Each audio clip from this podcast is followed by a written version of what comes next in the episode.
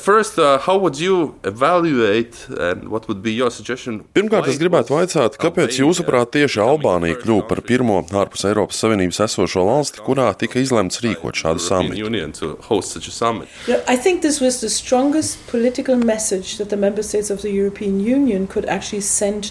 Manuprāt, šis bija spēcīgākais politiskais signāls, kuru Eiropas Savienība varēja nosūtīt Rietumbalkānu reģiona valstīm. Vēl vasarā samitā visi pameta galdu neapmierināti, taču šoreiz gan visas Eiropas Savienības valstis, gan Eiropas komisijas un Eiropadomas prezidenti nodeva skaidru vēstījumu. Jūs esat svarīgi, jums ir nozīmīga loma, un mēs vēlamies, lai jūs kļūtu par Eiropas Savienības valstīm. Ne tikai uz papīra, bet arī realitātē. Tas ir nozīmīgs arī ģeostrateģiski svarīgs vēstījums. Mēs uz šejieni braucam, jo jūs esat mūsu kaimiņi, kuri mums ir nozīmīgi un kuri reāli kļūst par eiropiešiem. Tāpēc virsraksts, ka Tirāna uz vienu dienu ir kļuvusi par Eiropas galvaspilsētu, bija lielisks, jo tieši to mēs arī redzējām. Was, uh, heard, uh, that... Pavisam nesen dzirdēju apgalvojumu, ka nav pareizi teikt, ka Eiropas Savienība paplašinās uz Rietumbalkāniem, jo Rietumbalkāni patiesībā ir pašā Eiropas centrā, Eiropas Savienības vidū. Tāpēc vairāk vajadzētu runāt nevis par paplašināšanos, bet par dziļāku integrāciju. Vai šeit ir kāda atšķirība? Yes, I mean, right. Jā, ir atšķirība. Protams, geogrāfiski tā ir taisnība, jo apkārt ir Eiropas Savienība. Taču būšana Eiropas Savienībā ir kas vairāk par geogrāfisko stāvokli. Runa ir par mūsu standartiem un vērtībām, kurām ir dziļi jāiesakņojas un pēc kurām ir jādzīvo katru dienu. Un tieši šeit mums Rietumbalkānu valstīs ir jāpaveic ļoti daudz mājas darbu. Katrai valstī pašai. Šajā reģionā ir sešas atsevišķas valstis. Tie ir seši atšķirīgi iestāšanās ceļi, kurš katrs atrodas citā posmā. So Tas ir ļoti nozīmīgs jautājums. Savulaik mēs, Baltijas valstis, uzsvērām, ka mēs esam trīs valstis kopā. Daži uzskata, ka arī Balkāni ir viens vesels reģions, kur būtu jāintegrē kā vienu veselu. Vai tas būtu iespējams vai nē? It depends on, on the countries themselves because the speed Tas ir atkarīgs no valstīm pašām, jo ātrumu izvēlas valstu politiskās valdības. Tās izvēlas, cik ātri tiek ieviestas politiskās reformas un mūsu standarti. Uz katru no šīm valstīm tomēr ir jāskatās atsevišķi, jo katrai ir savas tradīcijas un sava vēsture. Un dažreiz tas tiek nepareizi saprasts. Mēs esam Albānijā, kas nekad nav bijusi bijušajā Dienvidslāvijā. Tas ir pilnīgi atšķirīgi no citām valstīm, un viņiem ir pilnīgi cits ceļš ejams than the other countries have to do. If we speak about exactly about Albania, jūs esat bijusi Albānijā un jūs šo valstu noteikti pazīstat labāk. Kas ir bijuši tie Albānijas veiksmes stāsti un kurām jomām būtu jāpievērš daudz lielāka uzmanība? So, I mean, what has been started here in Albania, and that's a unique process. Albānija ir uzsākusi kādu unikālu procesu, kuru nav darījusi pilnīgi neviena cita valsts. Pirms sešiem gadiem Viņi uzsāka milzīgu tieslietu reformu, kuras ietvaros sāka izvērtēt prokurorus un tiesnešus. Galvenais uzdevums bija iztīrīt tiesu sistēmu tā, lai priekšpālānā nonāktu likums, nevis personiskās attiecības, maksājumi, korupcija un tā tālāk. Šī procesa laikā 60% no amata ieņēmējiem no sistēmas ir padzīti. Tā ir milzīga sistēmas attīrīšana, un pašlaik mēs faktiski veidojam jaunu sistēmu ar jauniem prokuroriem un tiesnešiem. Es personiski uzskatu to par milzīgu politisko soli un arī milzīgu veiksmes stāstu, jo mēs redzam arī rezultātus. Ir izveidots īpašs prokuroru birojs cīņai ar organizēto noziedzību un korupciju, un pirmie ministri jau sēž cietumā. Vai mēs esam šī procesa noslēgumā? Nē, nesam. Tas ir tikai vidus. Ir nepieciešams vēl vairāk panākumu un ir jānosedz visa sistēma. Protams, mēs neesam iznīcinājuši korupciju valstī, un darbs pie tā ir jāturpina. Ir jāmaina arī ieradumi, jo korupcijai ir nepieciešams gan tas, kurš vēlas maksāt, gan tas, kurš ir ar mieru naudu pieņemt.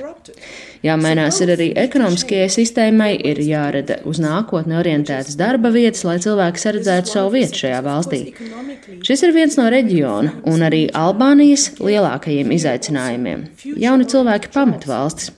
Mums ir jārada apstākļi, lai viņi negribētu aizbraukt. Taču tās ir visaptverošas reformas, un tām ir nepieciešams arī investīcijas no uzņēmumiem.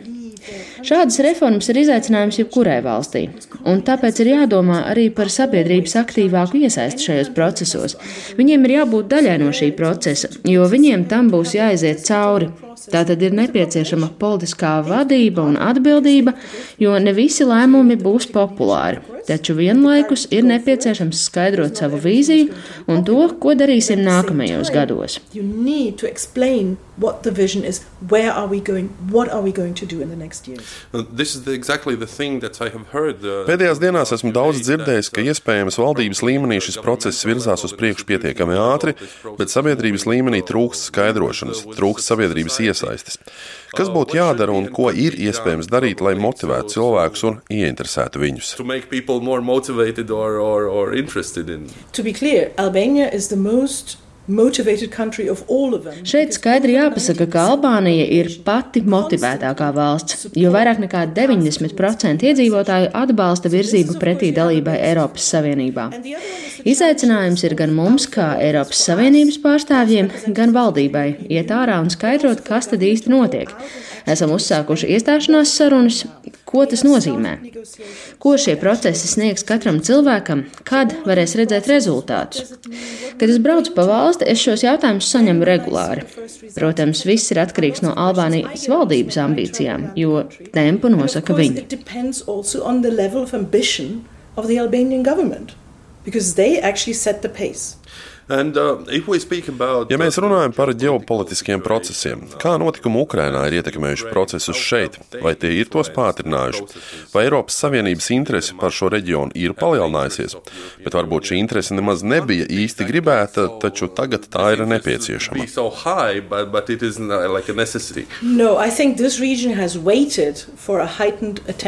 Nē, manuprāt, šis reģions visu laiku ir gaidījis paaugstināt uzmanību no Eiropas Savienības puses. Mums bija šī divu gadu svārstīšanās, kad Eiropas Savienība nevarēja izlemt vai uzsākt iestāšanās sarunas ar Ziemeļmaķedoniju un Albāniju.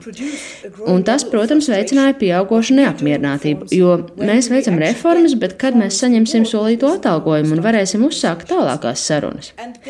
Taču jāatzīst, ka Krievijas karš Ukrainā ir licis mums visiem Eiropas Savienībā pārfokusēties un mainīt mūsu izpratni par daudzām lietām. Bija ļoti maz cilvēku, kuri uzskatīja, ka kāds varētu uzbrukt miermīlīgai Eiropas valstī. Un tagad mēs esam vēl vairāk ieinteresēti, lai mūsu tiešajos kaimiņos valdītu miers, stabilitāte un demokrātija. Eiropas Savienības iestāšanās process tieši to arī veicina, jo tie ir mūsu standarti, vērtības un veids, kā mēs dzīvojam. Uz Albāniju Ukrainas karš varbūt ir atstājis mazāku iespaidu, jo šeit ir ļoti neliels skaits bēgļu. Otrakārt, Albānija arī nav tik ļoti atkarīga no Krievijas naftas un gāzes, jo gandrīz 100% savas elektrības tā saražo hidroelektrostācijās.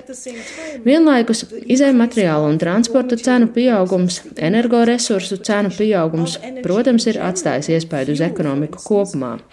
Arī inflācija ir ļoti augsta affected, inflation is high here as well. Okay, and finally, uh, I, I usually Parasti noslēgumā man patīk uzdot tā dēvēto kristāla bumbas jautājumu. Ņemot vērā visu iepriekš teikto, kādas būtu jūsu prognozes? Kad Albānija vai kāda cita Rietumu Balkānu valsts varētu kļūt par Eiropas Savienības dalību valsti?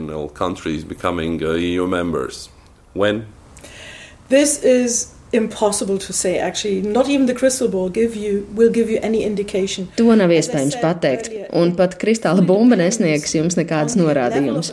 Kā jau es teicu viss ir atkarīgs no valsts ambīcijām. Ja jūs īstenojat reformas ātrāk un plašāk protams jūs pietuvosieties Eiropas Savienībai daudz ātrāk. Jo vairāk reformu būs paveikts jo ātrāk izdosies piesaistīt investīcijas un ātrāk izdosies radīt tik nepieciešamās darba vietas.